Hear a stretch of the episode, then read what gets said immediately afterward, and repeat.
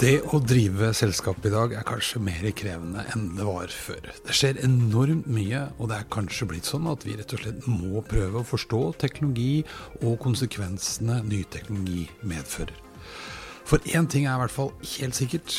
Endringene har kommet, eller kommer, enten du liker det eller ikke. Så hva skal vi gjøre, da? Skal vi lære oss alt selv? Nei, mener dagens gjest, men vi må bli flinke problemløsere, og vi må omgi oss med de flinkeste folka. Dagens gjest heter Ann-Kristin Hansen og er daglig leder i det helt nyoppstartede byrået Antidiffer. Antidiffer er spesialister på digitale tjenester og er ekstremt opptatt av nettopp folka som skal bruke tjenestene. Ann-Kristin har jobbet åtte år i Bouvet og er en kjent pådriver for å ha fokus på nettopp folk og verdifulle tjenester. Hun er utdannet i internasjonal markedsføring og har en master i management fra BI. Dette er 30 minutter inn i fremtiden, og jeg heter Eirik Normann Hansen. Og Kristin, Hei! hjertelig velkommen til meg. Tusen takk. Dette Veldig er jo, hyggelig å ha deg på besøk. Det er jo så hyggelig å komme på besøk. Og dette fine huset ditt. Takk. Ja, Det er jeg veldig stolt av. Jeg, jeg tror jeg skal lage et eget program om uh, dette huset. Men det får bli en annen gang. Jeg har akkurat starta bedrift. Vi burde jo få et kontor i nærheten. Ikke sant? Så Ja, for det er hyggelig gatefest. Gatefest. Ja. Ja. og det gjør ingenting om det er litt uh, fall i gaten. For Nei, det det bare- tror jeg vi kan kompensere. Det blir bare mer spenning, tenker jeg. mer spennende. Mer spennende. Men du, Veldig veldig spennende å være her. Ja, For du, du har jo akkurat starta bedrift. Det har jeg. Gratulerer med det. Takk skal du ha. Ja, Og det er jo spennende. Veldig. Aldri gjort det før. Det er veldig gøy. Ja. Kristin gjør ting hun ikke kan. Det er helt riktig. Hver dag. Hver dag, ja. Så jeg tenkte vi kunne snakke litt om det. Mm. Dette handler jo om 30 minutter inn i fremtiden, og hva vi tror og mener er viktig. Så Mm. liksom det ene perspektivet kan jo være litt rundt det å starte bedrift. Og det Mm. andre er jo det du, du kanskje har via mesteparten av livet ditt til. Mm. Nemlig å skape fantastiske, relevante ting. Helt riktig. Ja, ikke sant? Ja. Så men la oss begynne med det. Hvordan er det å starte bedrift? Vet du, Det er altså så utrolig gøy. Og så er det sånn eh, Når man sier ja til sånne nye prosjekt, så tenker man Bruker man mye energi på sånn pros and cons, og dette blir skummelt, og hvor skummelt er egentlig at det skal være? Og så er jeg jo litt sånn som liker litt skummelt, så det går og så, og så når du da endelig har sagt ja og signert og sagt opp jobben din, og sånn, så er det litt sånn, går det en, en uke hvor det er sånn full panikk. Det er sånn, jeg, jeg gikk jo fra Bouvet, som er verdens beste bedrift, trygt, fint, fantastiske mennesker, til liksom Oi, vent litt, det er meg og en, det er meg og en til. Iris. Det er oss to, ja. Skal vi se. Men så begynner du, da. Og så er det bare så mye å gjøre. Det er så mye å ta tak i, det er så mye å forstå. Det er så eh, Det er noe med det der eh, Dette kjenner jo du godt til. Det der å sitte og jobbe for seg sjøl, og nå er det, det er liksom opp til meg. Eh, det er utrolig gøy. Og så går det jo så bra. Det er jo enda morsommere. Ja, veldig. Vi har jo to fantastiske samarbeidspartnere, investorene våre, som er Anti og Differ. Og de, eh, de har jo åpnet noen dører for oss som er Jeg føler oss utrolig heldige som startup, på en måte. Eh, Få lov til å gå inn i så store prosjekter er fantastisk. Men, men tror du ikke det har litt med å gjøre at dere to som nå startet det, og nå er dere fire, da, men dere har jo ikke vært anonyme, liksom? Mm. Neida. Nei, For det, det er jo noe med det. Ja da, jeg tror det. Eh, tror du ikke det? Jo, jeg tror det. Ja. Er ikke det litt viktig? Jeg tror det er kjempeviktig. Jeg tror jo at man skal eh, mene noe. Tø altså stå fram, eh, rekke opp handa, kaste seg på en scene. Eh, jeg tror man skal være litt sånn unorsk, ja. Eh, jeg, som du også vet, for du har jo vært der og, og holdt fantastiske innlegg på Yggdrasil, som jeg også arrangerer.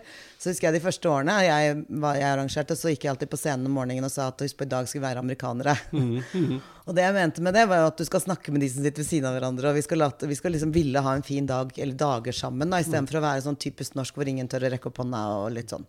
Og det tror jeg vi må og det tror jeg vi som, som nasjon så er vi mye flinkere til, i hvert fall innenfor vår bransje. Så er det jo mange som etter hvert har turt å, å ha en stemme. Men jeg tror det er innmari viktig å, å tørre å, å vise litt vei og sånn. Jeg begynner å bli en, eh, en dame som har noen år på baken. Så jeg tenker at jeg er nødt til å vise litt vei for de som kommer etter meg. Og da, da må man tørre litt. Og det verste som skjer, er at man detter litt, og så får man reise seg igjen, da. Ja. Det er ikke verre ja, det. For det husker jeg lærte av en studiekompis en gang. Det verste som kan skje, er at du ramler, og da er det bare å reise opp. Ja. Det er noe med Litt skrubbsår tåler vi. Det er ikke verre enn det, Ja, altså. Men, men er, det, er det litt sånn for bedrifter òg? At man må tørre å kanskje gjøre seg selv litt mer synlig? Nå snakker jeg ikke om å reklamere, men, men å gjøre seg synlig på en annen måte enn det man måtte før? Ja, jeg vil si både ja og nei. Jeg tenker, Hvis vi går litt tilbake og tenker på dette når sosiale medier dukket opp, og et, noen år senere så ble det plutselig også en sånn corporate greie. All- Alle bedrifter skulle være på sosiale medier, og ingen hadde noen plan eller mening eller noen ting. Man bare skulle være på, på sosiale medier. De som på en måte hang seg på det, var jo ganske smarte, for da kunne man øve seg uten at noen la merke til det. Sånn at innen folk begynte å legge merke til det, så hadde de et budskap, og de visste hva de ville, og sånn, så da framsto de som ganske profesjonelle. Og så er det de som kom på det i forgårs og begynner å øve seg nå, som er litt mer problematisk. Så ja, jeg tror man skal ha en stemme, men jeg tror man skal ha et budskap. Man skal, man skal ha noe å si. Hvis ikke så er det litt sånn eh, Vi har alle vært på konferanser hvor vi ser noen på scenen, og så tenker vi men kjære deg, dette burde du ha tenkt litt bedre gjennom. Eller de som sitter i salen, er bedre på dette enn deg. Ja, ja for, det, ikke sant, for det handler ikke så mye om at vi er så keen på å høre om hvor mange dere er, og hvor mye penger dere tjente, og hvor mange land dere har kontor i, men, men hva dere tror på. Og, hva dere vil, og hva dere? løste dere. Og, Ja. ja. Jeg tenker at eh, for oss som jobber med digital tjenesteutvikling, brukeropplevelse, kommunikasjon, kall barnet hva du vil, så tenker jeg at eh, tar, det er mange ting som er helt selvfølgeligheter for oss, fordi vi sitter i den i det tech-utfordringene hver eneste dag. Men det er mange rundt oss som ikke kan noe som helst om det. Eh, og da tenker jeg at eh, det er fint at du går inn og begynner å snakke om det som om det er litt sånn um, førsteklassinger, men ikke, ikke Altså Folk er smarte, og folk leser avisen, og folk følger med, og folk bruker Facebook, og folk har Google Home. Så du må liksom legge deg på et nivå som gjør at det blir noe verdi, tenker jeg da. Mm, mm, mm. Men hvis du vi skal gi et råd, da, for det er jo mange som går rundt med en liten gründer i magen. Mm. Eh, hvis man skulle gi noen råd til de som har lyst til å starte for seg selv Mm. Du har akkurat gjort det. Ja. Da, jeg er veldig glad for at jeg har gjort det sammen med noen. Mm. Eh, så, så jeg ville sagt eh, finn noen som du jobber skikkelig bra sammen, men som du også liker skikkelig godt. for dere skal gjennom noen tak. Og det er, en, det er ikke sant uh, Bare ser nå, det er jo dager hvor en av oss er litt sånn og, «Ah, Hva gjør vi nå? Dette åh, Panikk. Og da er det veldig godt å, at man kjenner hverandre såpass godt at man kan liksom Eh, man kan gå litt sånn under huden og bare Man vet når man skal holde munn, og man vet når man skal peppe, og man vet når man bare skal uh, være litt sinna, eller ja, alle de tingene Mm. Så jeg har funnet noen som du kjenner godt, både profesjonelt og for så vidt også privat. Og så er det Og så ha en plan. Ha en sånn der, og du trenger ikke å den store planen, men du må vite hvor du vil, tror jeg. Du må vite sånn Ok, men i serien av digitale byråer, da, f.eks. som oss, eh, hva er det antidiffer skal løse som ikke andre gjør? Eh, og der tror jeg du må ha noe som på en måte Du må ha noe som, som du kan fortelle andre om veldig raskt. Eh, så ha en, en idé, og så er det bare å kaste seg i det. Hadde jeg visst det jeg vet nå, så hadde jeg gjort dette for lenge siden. Ja, for det har jeg også tenkt på. Ja. Jeg, jeg starta jo helt for meg selv og, og, og oppdaget at Kjenner jo igjen det du sier. Sant? Våknet om natta og tenkte hva i alle dager har du gjort nå?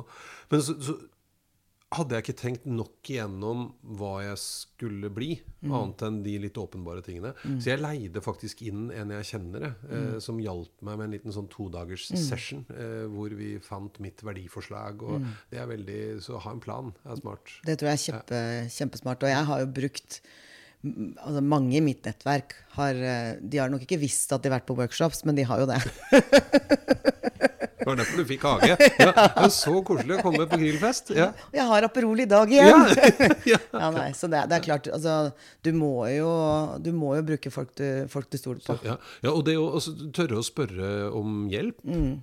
Du, når vi møttes den gangen på Grang, så trodde jo du at jeg drev og inviterte deg til Yggdrasil, men du, du er klar over nå at det, var andre Har ting jeg det. Har skjønt det. Ja, og jeg er veldig glad for at jeg har bidratt til at dette har gått så bra. Ja, Eller, ja, ja det er bra.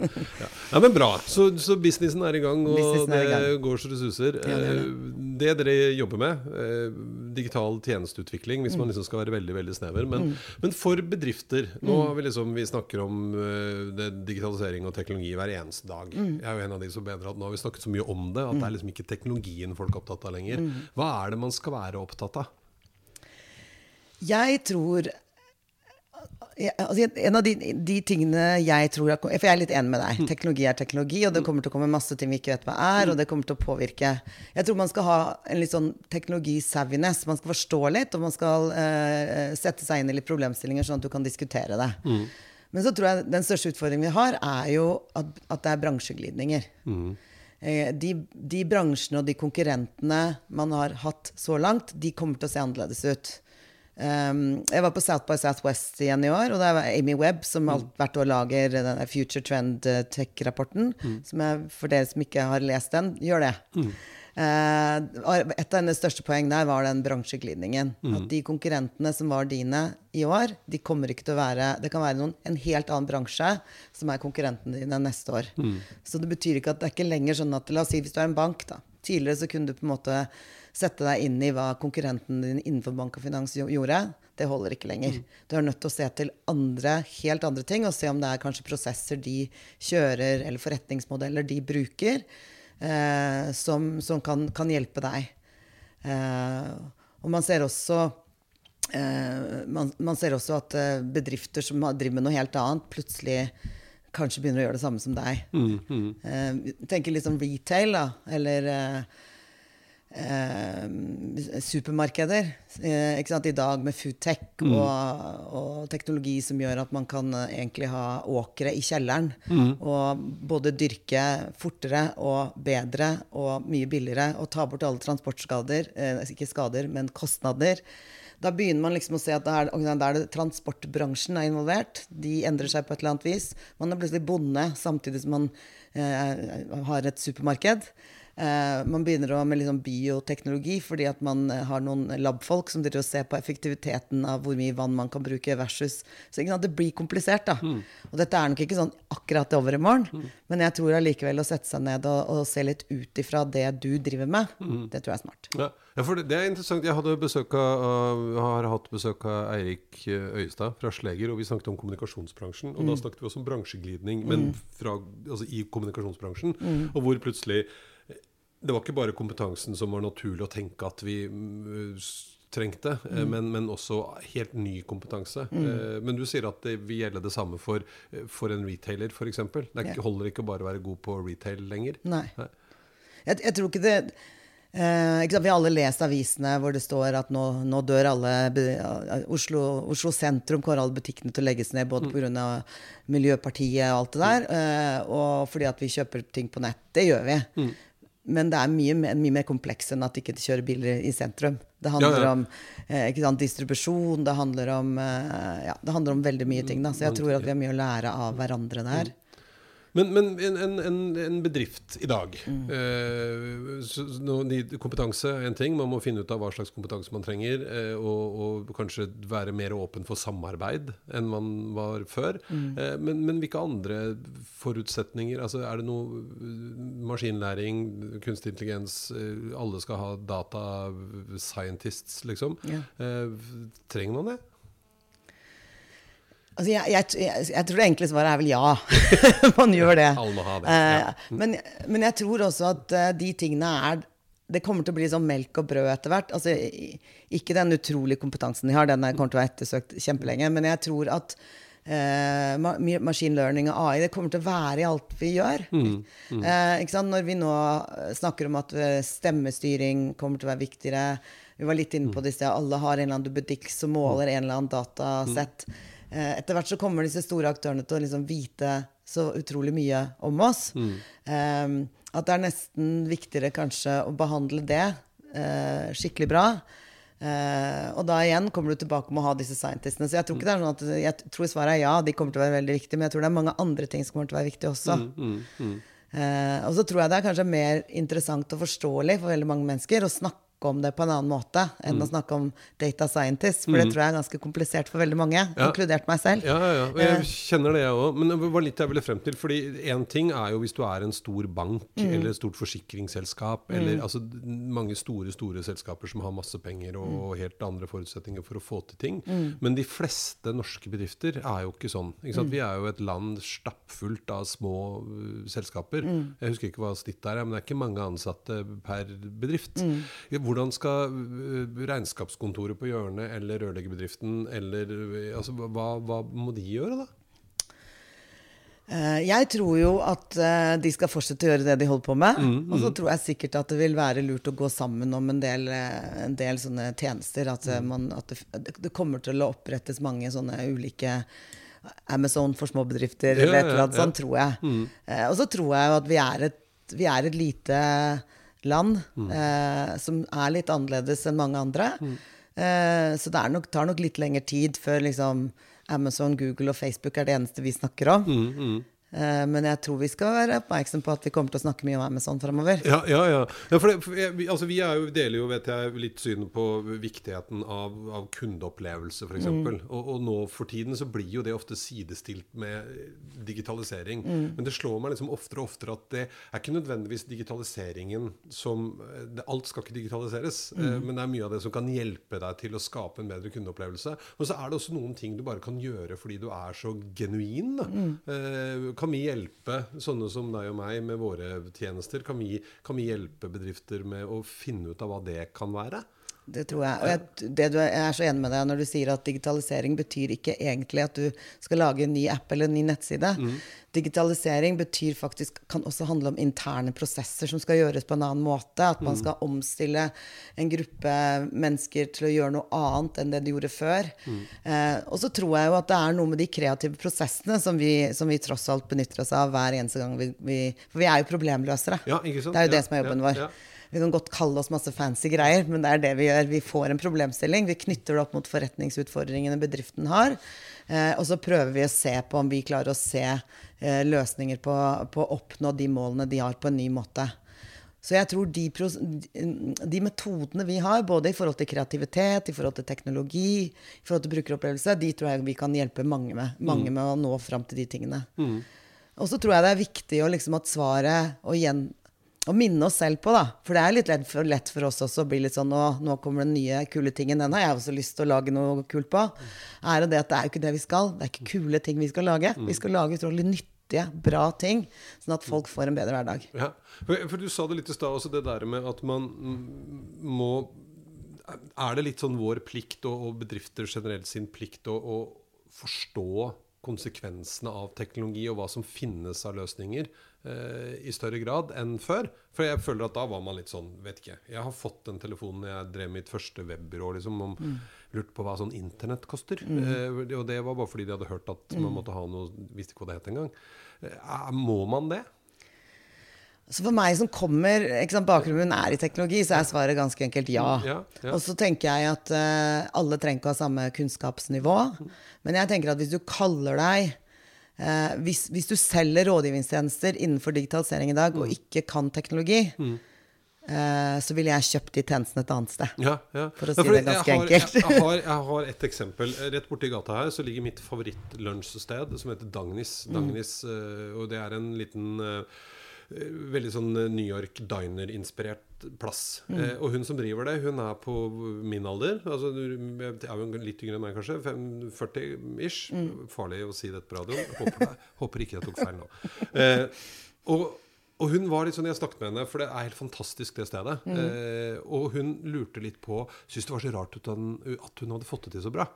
Eh, for akkurat når vi åpna, så stengte de gata. Da var det umulig å parkere. Og rett etterpå så åpnet Baker Hansen oppi veien, og skulle jo tro at alle gikk dit. Men de gjør ikke det.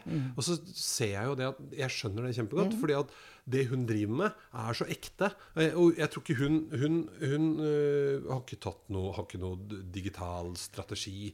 Men du kan, altså du kan bestille mat på Messenger, på, via Instagram. eh, Du kan sende mail, du kan ringe, du kan møte opp. Hun er til stede overalt eh, og, og svarer på alt. Og, og ordner og fikser. Og har laget eget tilbud til studentene. Og lager helt fantastisk mat. Og det er liksom en opplevelse å gå dit. Det er nettopp det, Eh, men det er det. opplevelsen. Ja, og, og da tenker jeg at sant, hun, uavhengig av om hun har selv tatt stilling til at dette må jeg forstå, men hun har i hvert fall gjort en eller annen greie som gjør at hun er veldig bevisst i forhold til en masse kanaler som hun er tilgjengelig i, og der responderer hun. Eh, og det å utnytte etablerte Hun er en bitte liten, ikke noe kjede, ingenting. Det er én butikk. Eh, for det er det jo mange som spør meg om, i hvert fall. Hva skal vi gjøre da når Amazon kommer? Nei, kanskje du bare må følge med, da. Eh, Ja, og, så, og, og så tror jeg det er det, det å gjøre som Dagny, da. Mm. Noe som er annerledes. For jeg tror det eneste vi vet Altså, det å konkurrere mot Amazon, det det er et tall drink of water, for å si det på amerikansk. Eh, så jeg tenker at eh, kanskje hvis du er en liten spesialistbutikk da, Mm. eller kafé, så gjør det på din egen måte. Og, og det hun har forstått, er jo kundeservice og opplevelsen. Og det, kan jo bare, bare relatere til oss selv. Når, når, de gangene jeg anbefaler en restaurant eller en butikk, så handler det svært sjelden om bare kvaliteten på det jeg spiser eller det jeg kjøper. Det er liksom hvordan jeg blir mottatt, hvordan kvelden hvis jeg er på en restaurant, hvordan kvelden blir for alle de som er der sammen med meg. Eh, hvordan, hvordan eh, det var når jeg bestilte det, hvordan det er i etterkant. Det er liksom hele for å bruke et veldig sånn oppbrukt ord, da, kundereisen. Det er liksom hele, det er hele opplevelsen. Og det blir et konkurransefortrinn. Ja. Spesielt når de store amerikanske kommer og tar oss. Så må vi liksom skille oss ut på et vis, da. Ja, for, for der blir det vel litt sånn at altså, alle går og venter nå på når Amazon f.eks. skal gjøre sitt store inntog i Europa og Norden. Ja. Eh, og det kommer det til å gjøre. Ja da. Eh, men, men da er vel litt av greia også at du kan velge å være med, eh, eller prøve å kjempe imot. Ja. Og hvis vi skulle gjøre noen sånn anbefaling, hva, hva tror du er lurt? Det er liksom, der er, sant? En ting er som er lurt, og hva jeg har lyst til å svare. Men er, jeg, jeg, tror, jeg tror det å være en liten Dagny og kjempe mot Amazon, det er nok litt vanskelig hvis dere driver med akkurat det samme. Men jeg tenker det der å eh, spille på lag så godt man kan, og prøve å finne noe som er litt særegent, da kan det kanskje bli en suksess.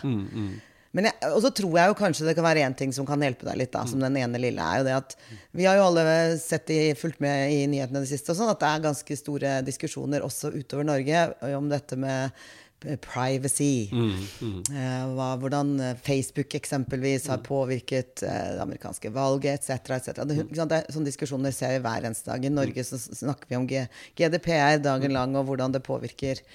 Og det, det, vi, det vi vet, er jo at det er en skepsis nå. Eh, Det begynner å komme en skepsis nå, og den kommer bare til å bli større og større. Men alle disse dataene jeg gir fra meg da, til typisk Amazon, hva betyr det? Eh, og det er klart, da kan plutselig en sånn liten aktør bli ganske viktig, fordi at du legger ikke igjen de samme sporene. Så Eksempel er så I USA nå så har de egne Amazon-hus.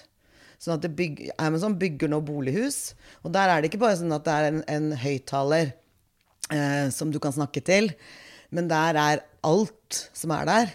Eh, det er det, det, det på en måte Ta vare på dataene dine. Og hvorfor gjør Amazon det? Jo, fordi at så langt så har de masse data om deg gjennom hele kjøpsløpet, og til du har kjøpt tjenesten, men så vet de ikke mer. Nå er de inne i huset ditt, og de vet når du eh, popper popkorn i mikroen. Mm. de vet, eh, de vet eh, hvilken sang du skal spille når. Du vet Når du begynner å hoste, så vet de at søren, nå, nå burde vi få bestilt noe, noe hostesaft som kommer på døra. Det blir noe som er veldig komfortabelt, men også veldig skummelt. Og jeg tenker, eh, Hvis man begynner å se på de ulike scenario, scenarioene og etter hvert blir oppmerksom på hva det faktisk betyr, så tror jeg det kan være noe som litt mindre bedrifter kanskje kan brukes til sin fordel. Da. Eh, og så tror vel kanskje ikke jeg at det er sånn enten er alt rosa og nydelig, eller så er det sånn dommedag. Det er nok noe i midten òg, men det avhenger jo litt hvordan vi angriper det. Ja, ja. For nå- nå begynner vi å bevege oss inn på uh, kanskje sånn tillitsforhold. Da. Veldig. Ja, fordi, og det er det jo mange som mener at er, er den nye valutaen. Mm. Så i den grad Amazon klarer å opprettholde eh, tillitsforholdet, Mm. eh, og jeg stoler på at de vil mitt beste, så er det greit. Mm. Men hvis jeg merker at de tuller med det, så er det ikke greit. Og da er det jo veldig fort ikke greit. Mm. Kanskje litt dumt hvis jeg kjøpte meg en sånn Amazon-hus, men, eh, men eh, jo, jo, men jeg, for jeg kjenner jo Jeg kjenner jo at faen, sånn, unnskyld, sånn hus vil jeg ha. Ja. For det er dødskult, Ja, ja. tenker jeg. For jeg syns ikke det er så farlig om Amazon vet at jeg popper popkorn når jeg går på do. Og, og jeg liksom tenker at sam- Samme det. Ja. Men så er det sånn, la oss si da at du bor i dette Amazon-huset, og så plutselig så får du et par jeans på døra, uten at du har ikke bestilt noen jeans. Men de bare tenker at nå er det tre måneder siden sist, så har han slitt ut, så da kommer det på et nytt par jeans. Du hadde syntes det var rock'n'roll.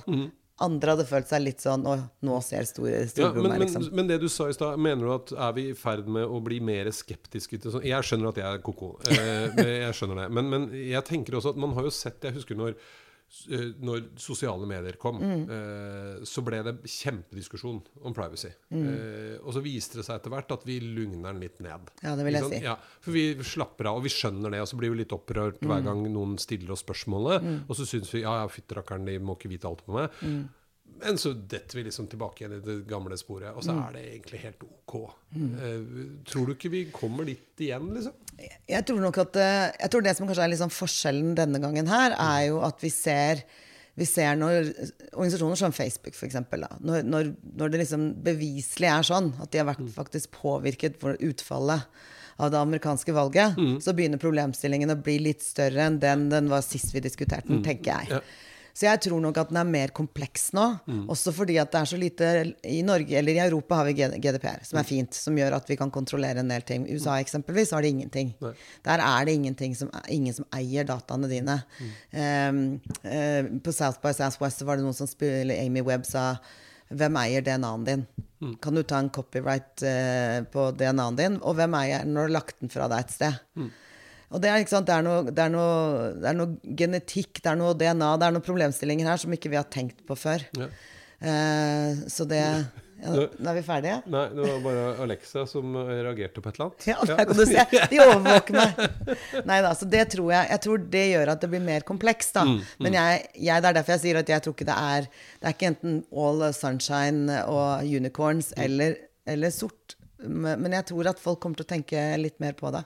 Ja, Bli mer bevisst. eh, Jeg tror det, altså. altså. Jeg kjenner at jeg selv gjør det, i hvert fall. Ja, ja, ja. Og jeg er ikke helt uenig med deg heller, altså, for jeg ser jo det. Men det er liksom noen ting som jeg tenker at vi bruker ofte forferdelig mye energi på å, å, å diskutere saker som kanskje ikke er så farlig. Mm. Og så bruker vi litt for lite tid på å diskutere de sakene som er farlige. Men det er vel også fordi at de ofte er litt mer kompliserte og Mm. Ja, ja. litt vanskeligere å forstå. Da. Ja. Eh, ja, men bra. Men, men hvis vi skulle gi noen eh, bedrifter noen råd, da, hva, hva er liksom det viktigste de må ta med seg nå inn i de neste fem årene? Jeg tenker at det er eh, et par ting. Det ene er at, er at det kommer til å bli endring. og endring er bra. Ja. Jeg tror Hvis man er på den positive siden av endringen og tror på at dette kan skape noen muligheter, så, så har du allerede vunnet, tenker jeg. Så det er det ene. Eh, det andre er at eh, det kommer til å være bransjeglidninger. Så innenfor det du driver med, er du i dag f.eks. Hvis du har et forsikringsselskap da, som så langt er de som har eid alle forsikringene våre, og, og sånn, nå skal de plutselig begynne å ha følere inn i bilene for å se hvordan vi kjører bil. og Det kan? Det begynner å bli en helt annen uh, hverdag. da. Uh, så jeg tror det, blan, eh, eh, bransjeglidninger er, eh, kommer til å skje. Og så tror jeg det, det det som jeg burde ha begynt med, er jo folk. Mm. Altså det, er, det blir aldri noe bra business uten bra folk. Så det å finne de riktige menneskene, både kompetansemessig, men også som man liker å være sammen med, som man tror på at man kan bygge ting sammen med, og som tenker annerledes enn deg. Det tror jeg er en sånn ordentlig konkurransefortrinn. Det- Og så må du alltid, du må alltid ansette folk som er flinkere enn deg, da. Ja, ikke sant? For det er jo, Det er jo- Men har vi blitt flinkere til det? For det husker jeg når jeg begynte mitt første byrå, så var det litt sånn Da var det litt oppå vedtatt at Ja. de som var seniorer, Ja. de var de flinkeste. Ja. Selv om de ikke var det. Men det, det var liksom sånn det var. Ja. Eh, Jeg tror i antidiffer er det i hvert fall oppå vedtatt at de er den dårligste der. Det vet vi alle sammen. Eh, nei, jeg, jeg tror at det i hvert fall tør å diskuteres på en annen måte når jeg begynte å jobbe. Mm, Eh, når, jeg, eh, når jeg setter sammen et team, så uh, sy syns jo jeg det alltid lykkes mye bedre når det er noen som har noen seniorer, noen juniorer, juniorer noen som på en måte kommer som er designbakgrunn, noen som har teknologi, teknologi tek, Nå klarer jeg ikke å snakke engang. Teknologibakgrunn. Eller, og kanskje noen som jobber med, med noe helt annet. Uh, så jeg tror det diskuteres. Og jeg tror også man ser når man ansetter nå, så ansetter man andre typer mennesker. Eh, sånn for eksempel, altså sånn tjenestedesignproblematikk, når man skal gå inn og, og liksom se på innsikt og hvordan folk Så begynner man jo å ansette sosionomer. Eh, helt andre type eh, utdanningsbakgrunner, da. Det tror jeg er bra. ja. Men jeg tror vi kommer til å diskutere dette i 10-20-30 år til. altså. Ja, ja, ja, ja. Men jeg tror de som, er, eh, de som er gode ledere, de skjønner dette her. Mm, mm. Og jeg er det. En Du er god veldig god leder. I all beskjedenhet. ja. For du er best. Ja, ja. Ja. Jeg skal ikke si det noe. Men det, avslutningsspørsmålet Kjempespennende, det her altså. Men og vi kunne sikkert holdt på i flere timer til. Mm. Men, men avslutningsspørsmålet hva, hva tenker du om, hvis vi skal heve blikket enda litt mer, da? Mm. 2030. Hva er en eh, realitet da? Hva synes- som helst. Hva som helst, ja. Altså, jeg er jo positiv til sinns, så jeg tenker jo at uh, vi glemmer disse uh, doomsday-greiene.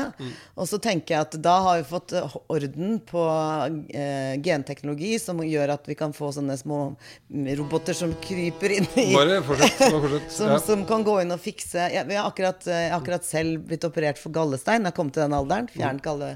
Det er sånn om ti år så kan, det bare, kan jeg sette inn en sånn robot. Ja. Og så kan den fikse det mens jeg sover, og så er jeg på jobb dagen etter.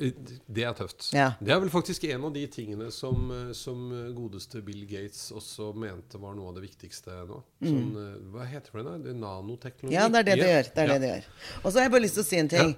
Han, eh, Vår gode venn Tim Bernard Lee, han som lagde dette internettet, Ja. han, eh, han syns jo ikke kanskje at, det, vi har, at vi har behandla denne WWW eh, akkurat sånn som han tenkte. Mm.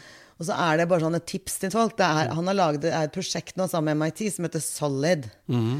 eh, som er en slags sånn derre Hvordan jobbe med eh, personvern, egentlig. At, at alle skal eie sine egne data. Både, både data, men også bi- biometri og sånn. Mm. Og så skal man kunne på en måte gi det litt, gi det litt til eh, Du kan si at så mye av denne kapselen har jeg lyst til å gi til deg. Eh, Nettbutikken min. Så mye har lyst til å gi til legen min. Mm. Eh, men du eier alt selv. Du kan trekke det tilbake til enhver tid. Det tror jeg er et kjempeviktig prosjekt. Det så det er mitt lite tips. Check it out. Solid. Solid. Med det sier vi tusen hjertelig takk for besøket. Det var så hyggelig å være her. Jeg kommer gjerne igjen. Det er bra det skulle få lov til. Takk.